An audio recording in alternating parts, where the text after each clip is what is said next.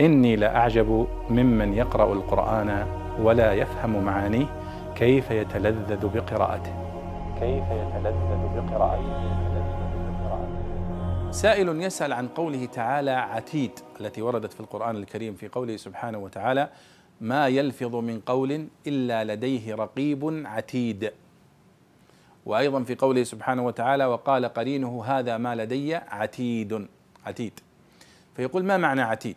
فالعتيد هنا ما يلفظ من قول إلا لديه رقيب عتيد. لديه ملك. رقيب أي شديد المراقبة ودائم المراقبة آه، له. يكتب كل شيء. ما يلفظ من قول إلا لديه رقيب عتيد. يعني يسجل كل شيء. وعتيد معناها معد لهذا. مخصص لهذا. معد لهذا. أعتدنا. أعتدناه فهو عتيد. معد. فهذا الملك الذي جعله الله كاتبا لأعمال الإنسان هو مخصص لذلك.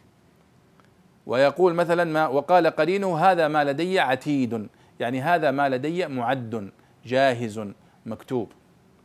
فكذلك هنا رقيب عتيد أي رقيب مراقب لأعمال الإنسان من الملائكة مخصص لذلك. عتيد أي معد ومهيأ ومخصص لهذا العمل الذي وكله الله سبحانه وتعالى به. والله أعلم.